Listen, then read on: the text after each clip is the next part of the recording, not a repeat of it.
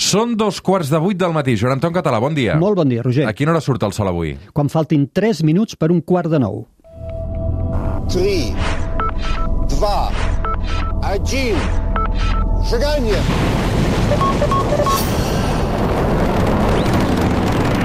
One small step for man, one giant leap for mankind.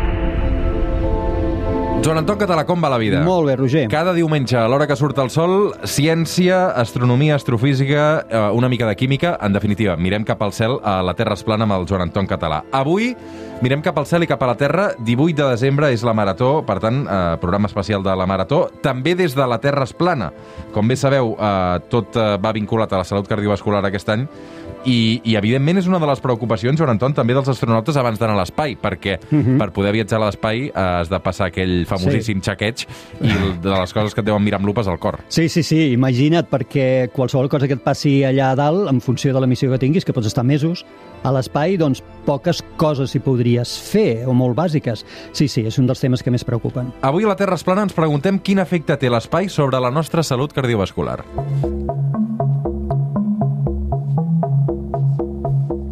A veure, per entendre i per eh, posar alguns elements damunt la taula, mm. eh, clar, hem de parlar de, de la diversa i la diferent gravetat i la manca de pes que experimenten els humans que van a l'espai, perquè això també pot condicionar després la nostra mm. salut, no? Exacte, això és el que anirà condicionant tot el que ara explicarem i és molt important que ho entenguem perquè és aquella maleïda discussió no, de a l'espai no hi ha gravetat, els astronautes floten dins l'estació espacial perquè no hi ha gravetat. Mentira. Sí que n'hi ha. Perquè és que simplement si no n'hi hagués, la, la nau no orbitaria al voltant de la Terra, sinó que marxaria lliurement. Per tant, sí hi ha gravetat. Arreu hi ha gravetat. Serà més forta o més feble. Com més a prop del planeta estiguis, de la Terra, més forta notaràs aquesta gravetat. Com més allunyat, menys la notaràs. Per exemple, els astronautes que hi ha dins l'estació espacial noten aproximadament una gravetat que és un 11% inferior, però només un 11%. Què els hi passa, en realitat? Floten perquè no hi ha sensació de pes, perquè no hi ha pes, que és diferent a no haver-hi gravetat. És similar a com quan caus per... Uh, imagina't un ascensor que estés en caiguda lliure i tu ets dins. Uh, això, és, això és el que noten els astronautes. Gravetat n'hi ha perquè l'ascensor està caient, i tant que n'hi ha. Però tu estàs flotant dins l'ascensor, no notes el teu pes. D'aquesta manera, diríem, estar en òrbita s'assimila molt al que és una caiguda lliure. I quan marxes de la Terra i te'n vas cap a Mart, eh, torna a haver-hi gravetat. En aquest cas, la gravetat del Sol, que és la que et manté en òrbita. Eh, tornes a no notar el teu pes perquè estàs en òrbita. I com dèiem, òrbita és com caure lliurement. I tant, hem de parlar de diferent gravetat Correcte. i de manca de pes. Exactament. Els, els anglesos... No de tenen... no gravetat. Correcte. Els anglesos tenen un nom molt bonic per això, un mot que es diu weightless, que vol dir sense pes, per referir-se uh -huh. en això. També utilitzen una altra paraula que és microgravetat. Aquesta no m'agrada tant. Però en aquí molts estem acostumats a dir no hi ha gravetat a l'espai. Torno a dir, sí que n'hi ha. I ara, quan anem parlant dels efectes que té sobre el cor, per exemple, sobre el sistema cardiovascular a l'espai, hem d'entendre això. Eh? Sí que hi ha gravetat, però n'hi ha més o menys, i aquesta és la raó que provocarà, com ara anirem explicant, alguns efectes que s'han pogut mesurar en el nostre cor. Mm. Per què es veu afectat el, el nostre cos i sobretot el nostre cor, que és el que ens ocupa avui, mm -hmm. quan mhm. estem a períodes llargs o curts, però especialment llargs en el cas d'alguns astronautes, en aquesta situació de manca de pes? Clar, si tu reflexiones, dius, bé, el planeta ens ha cuinat a foc lent durant milers de milions d'anys, als humans i a totes les espècies vives. I, per tant, aquesta cuina s'ha fet al laboratori de la Terra, sota les condicions de la gravetat de la Terra. És normal, per tant, pensar que si et sotmets a condicions de gravetat diferent, el teu cos ha de reaccionar d'una manera diferent. Entenem que el sistema eh, cardiovascular, a més, mou, mou fluids, mou sang, per entendre'ns, i això també, moure fluids, doncs ha d'estar sotmès en aquestes regulacions de la, de la gravetat. No? Sabem avui, i ara ho anirem parlant, que eh, la situació d'espai, és a dir, el canvi d'intensitat de gravetat té un efecte a la morfologia del cor, ara en parlarem, a la forma que adopta el cor a l'espai i també a com es mouen aquests fluids del nostre cos quan ets a l'espai. Clar, i, i, i què en sabem d'aquests efectes? Um, quins canvis han experimentat? Per exemple, tots els astronautes que han anat en missions a l'espai i després Mm. han tornat han tingut més problemes de salut cardiovascular? Sí, ara ho anirem explicant. D'entrada, dir-te que la mostra d'estudi és petita, és dir, fa molt poc encara. Clar, i que tenim molt pocs astronautes, no? Sí, i fa poc, eh, pocs anys que hem començat a explorar l'espai. Pensem que Yuri Gagarin hi va anar l'any 61 per primer cop, del segle passat. Quan dius el segle passat, dius, uah, quant de temps, però si comptes els anys no en fa tants, fa 60 anys eh, que, que anem a l'espai. Per tant, encara les dades que tenim són poques, així estadísticament parlant, però hem pogut ja detectar coses especialment pels astronautes que enviem a l'Estació Espacial Internacional, que és el nostre gran laboratori, a l'espai. Per exemple, abans parlàvem de la morfologia del cor, de la forma que adopta el cor. Doncs el cor, en situació a l'espai, és a dir, una gravetat diferent de la Terra, canvia la seva forma. Ho vaig trobar com ho explica la NASA. La NASA textualment ho explica de la manera següent. Diu, aquí a la Terra, en situació normal, el nostre cor té una forma oval, com si fos una bossa plena d'aigua, diuen ells. Però a l'espai, quan ets dins de l'estació espacial, es modifica la seva forma cap a una forma rodona, en lloc d'una bossa plena d'aigua com si fos un globus d'aire, diuen, per imaginar-nos aquest canvi de morfologia. Ho han mesurat i es torna el cor un 9,4% més esfèric. Per tant, es deforma. Eh?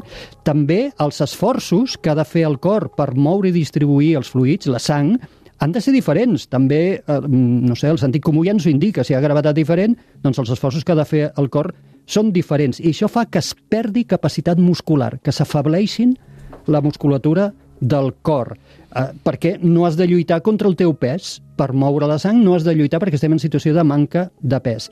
Per tant, també hem pogut veure aquesta certa atròfia dels músculs que contrauen conductes, que contrauen el cor i també que contrauen conductes sanguinis i que ajuden a la circulació. Per tant, el cos, eh, evidentment, ha d'actuar diferent quan és a l'espai i, per exemple, la, la distribució de fluids també es veu afectada. Exacte, pel que dèiem, com que no hi ha pes, la distribució es veu afectada. Eh, En situació normal aquí a la Terra, la sang normalment tendeix a concentrar-se a cames i abdomen, mm. uh, que és la situació normal. Però uh, a l'espai això canvia i passa a concentrar-se més dins del crani, per exemple. I això ja també provoca diversos problemes que s'han pogut començar a estudiar, com disminució de capacitats auditives, afectacions a la forma dels globus oculars que es pensa que estarien relacionats amb això, etc. Avui amb el Joan Anton Català, evidentment vinculat a la marató, la salut cardiovascular i l'espai. És molt diferent si tenim una missió d'una setmana que si d'uns quants mesos. Totalment, totalment. Com més temps eh, estiguem a l'espai, doncs més aquests efectes més notables seran. Pensem que de normal els astronautes que enviem a l'estació espacial s'hi estan uns sis mesos. I de tant en tant hem fet algun experiment amb algun eh, d'aquests astronautes que s'hi ha estat, molt pocs casos, eh, una mica més d'un any. I, això és tot el que sabem. Per tant, el que deia, portem pocs anys encara d'història espacial i encara les nostres estades a l'espai són curtes. Com podem lluitar contra aquests efectes, Joan Anton? Perquè, Va. a veure, els astronautes són persones que estan molt en forma, eh, passen Mhm. tota mena de testos, no? Sí, d'entrada es fa molt exercici. Quan ets a l'espai es fa molt exercici Durant la missió, eh? Sí, sí, sí, allà dalt. No només pels temes cardiovasculars que hem comentat, eh? Hi ha molts altres efectes de l'espai que no hem comentat en detall perquè no toquen a la marató, per entendre'ns, com és, per exemple, atròfia muscular en general, no només del cor, sinó en general. També hi ha pèrdua de massa òssia. Eh? El que passa no hem entrat en detall d'aquests temes, perquè, com et deia, no toquen a la marató. Tot això s'hi lluita eh, fent exercici, però no n'hi haurà prou. Per viatges eh, interplanetaris no n'hi haurà prou i s'hauran de desenvolupar, estic segur, fàrmacs per lluitar contra tots aquests efectes. I aquests efectes són permanents o mica en mica després, un cop tornen i s'acaba la missió, van recuperant-se? Afortunadament, afortunadament, no tenim en aquest moment cap indicació de que a l'Homo sapiens, l'home, no pugui ser un viatger de l'espai. Per tant, quan es torna, ràpida o a poc a poc, es van recuperant totes aquestes eh, capacitats. De totes maneres, a vegades costa una mica. Només cal veure les imatges de quan retornen els astronautes que tenim a l'estació espacial i obren la porta de la càpsula i els treuen, literalment els treuen, perquè han passat sis mesos a dalt sense notar el seu propi pes, són incapaços de posar-se drets. Els han de treure, els han de els han d'ajudar. Això ràpidament, en qüestió de dies, passa. Però hi ha altres afectacions que s'han vist, per exemple, la pell i altres, que poden trigar mesos en recuperar-se. Però, com et deia, de moment no coneixem cap efecte que impedeixi que puguem ser uns viatgers eh, per l'univers.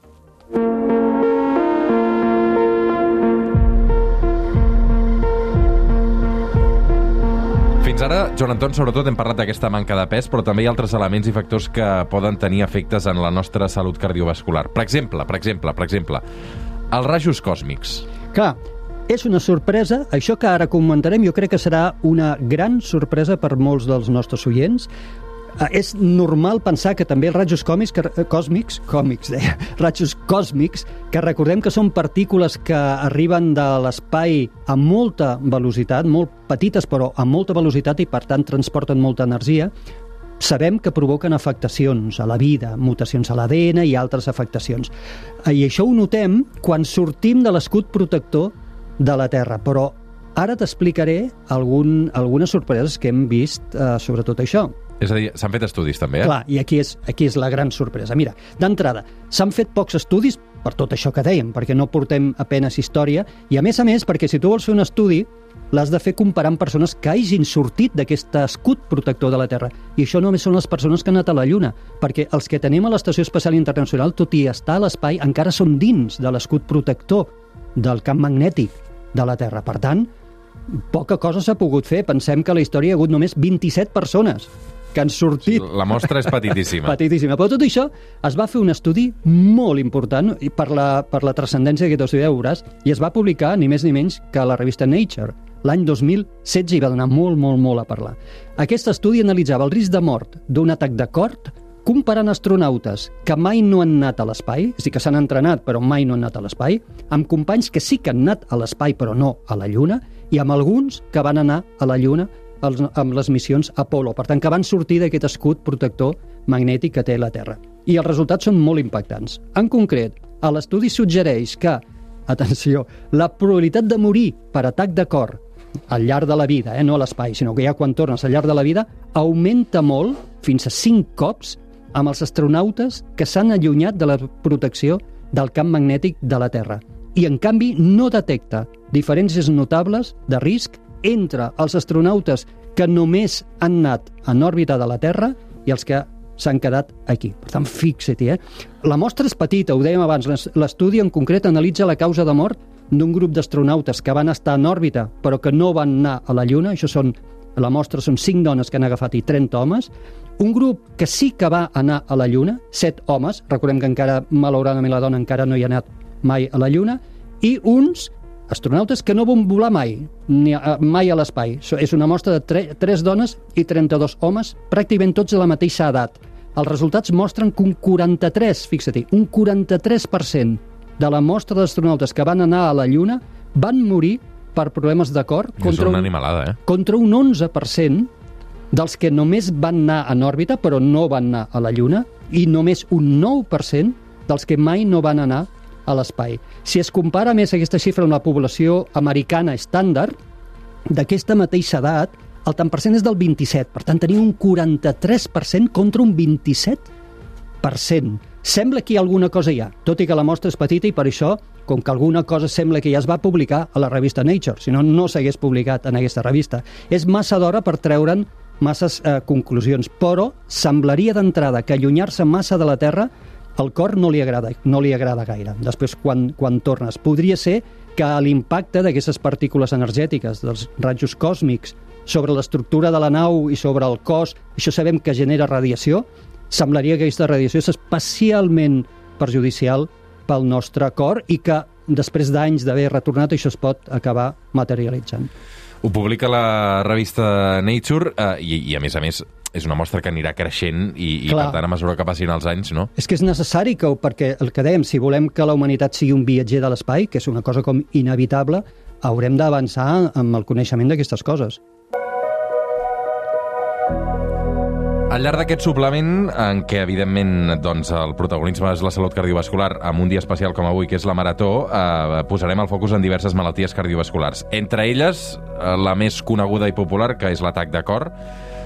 Clar, no sé si ens hem trobat amb el cas, per exemple, que algun d'aquests astronautes hagi tingut algun problema, algun atac de cor eh, enmig d'una missió. Quasi, Roger, quasi. Mira, això va passar l'any 1971. El cor de l'astronauta James Irwin, que era tripulant de l'Apolo 15, va patir irregularitats molt, molt importants en el moment en què va reingressar, va tornar a entrar al mòdul lunar eh, després d'haver fet molt exercici sobre la superfície de la Lluna. Des de control de missió es van preocupar moltíssim quan van veure aquest comportament del cor de, de Irwin i algun dels directors de la missió va declarar posteriorment que si aquest astronauta hagués estat a la Terra, no a la Lluna, sinó a la Terra, ràpidament en un entrenament, ràpidament l'haguessin enviat, traslladat immediatament d'urgència a un hospital. Afortunadament la cosa no va desenvolupar, no va anar a més. Es creu que aquesta situació de manca de pes o de gravetat inferior, recordem que la Lluna té sis cops menys d'intensitat de gravetat que a la Terra, juntament en què l'atmosfera interior del mòdul lunar és 100% d'oxigen, va evitar que allò anés a més i que desenvolupés finalment un atac de cor. T'haig de dir, per cert, que Irwin devia ser propens perquè va patir diversos atacs de cor durant la seva vida i va morir a causa d'un d'aquests atacs de cor quan tenia 61 anys. Clar, hi ha un protocol? Sí, qualsevol... A veure, tots els astronautes s'entrenen pel que fa a primers auxilis una mica més, eh? que primers auxilis dels que qualsevol de nosaltres podria entrenar-se aquí a la Terra, pel que dèiem abans, perquè si et passa alguna cosa a l'espai ha d'haver-hi capacitat de resposta en allà. Hi ha equips bàsics i també hi ha un desfibrilador a l'espai, a l'Estació Espacial Internacional. Per tant, han d'estar preparats per a algunes eventualitats. De totes maneres, eh, prevenir és el millor, com dèiem abans, eh? tots aquests astronautes passen moltes, moltes revisions abans d'enviar-los allà dalt. Eh, Suposo que investigar tot això també també ens ajudarà a entendre i, i millorar com funciona i fins i tot a curar algunes d'aquestes patologies. Sí, perquè és curiós també algunes de les afectacions que pateix el sistema cardiovascular que s'observen a l'espai tenen alguna semblança amb afectacions que veiem aquí, a la Terra, en el procés natural d'envelliment o fins i tot en algunes patologies. S'assemblen molt els efectes. De manera que pensem que investigar amb com mitigar aquests efectes que té l'espai en el nostre sistema cardiovascular també podrien servir per desenvolupar fàrmacs o teràpies útils aquí baix a la Terra. Avui, suplement de Marató, hem dedicat el capítol de la Terra es plana amb el Joan Anton Català a parlar de la salut cardiovascular, la relació que té amb l'espai i amb, el, amb els astronautes, amb els poquíssims astronautes que han anat eh, doncs, eh, més enllà de la Terra, quines conseqüències també han patit, i hem vist que sí, que segons la revista Nature eh, té conseqüències pel, pel nostre cor. Joan Anton, què hi passarà aquesta setmana al cel? Doncs la cosa més important és que el dia 21, a les 22.49, entra l'hivern astronòmic. És el famós solstici d'hivern a l'hemisferi nord, és el dia en què el Sol sortirà i s'amagarà pel seu punt més cap al sud, vist des de l'hemisferi nord, i a part d'això arriba a l'espectacle que anunciàvem de fa eh, setmanes, que són cinc planetes, cinc planetes que podem veure a l'ull nu, visibles al cel del vespre. Per aquest ordre molt baixos de, sobre l'horitzó oest, Venus, Mercuri, després hi ha més elevats, Saturn, Júpiter i molt més elevat, Mart, per aquest ordre. Eh? Uh, costaran de veure si no tenim, sobretot Mercuri i Venus, costaran de veure si no tenim un horitzó oest pla i, i ben net, però paga la pena intentar-ho, eh? I la Lluna s'hi afegirà el dia de Nadal, la lluna creixent, s'afegirà en aquesta postal. Per tant, una cosa que paga la pena d'intentar-la veure. Joan Anton Català, moltes, moltes gràcies i bona marató. Gràcies igualment. Fem una pausa i de seguida tornem al suplement.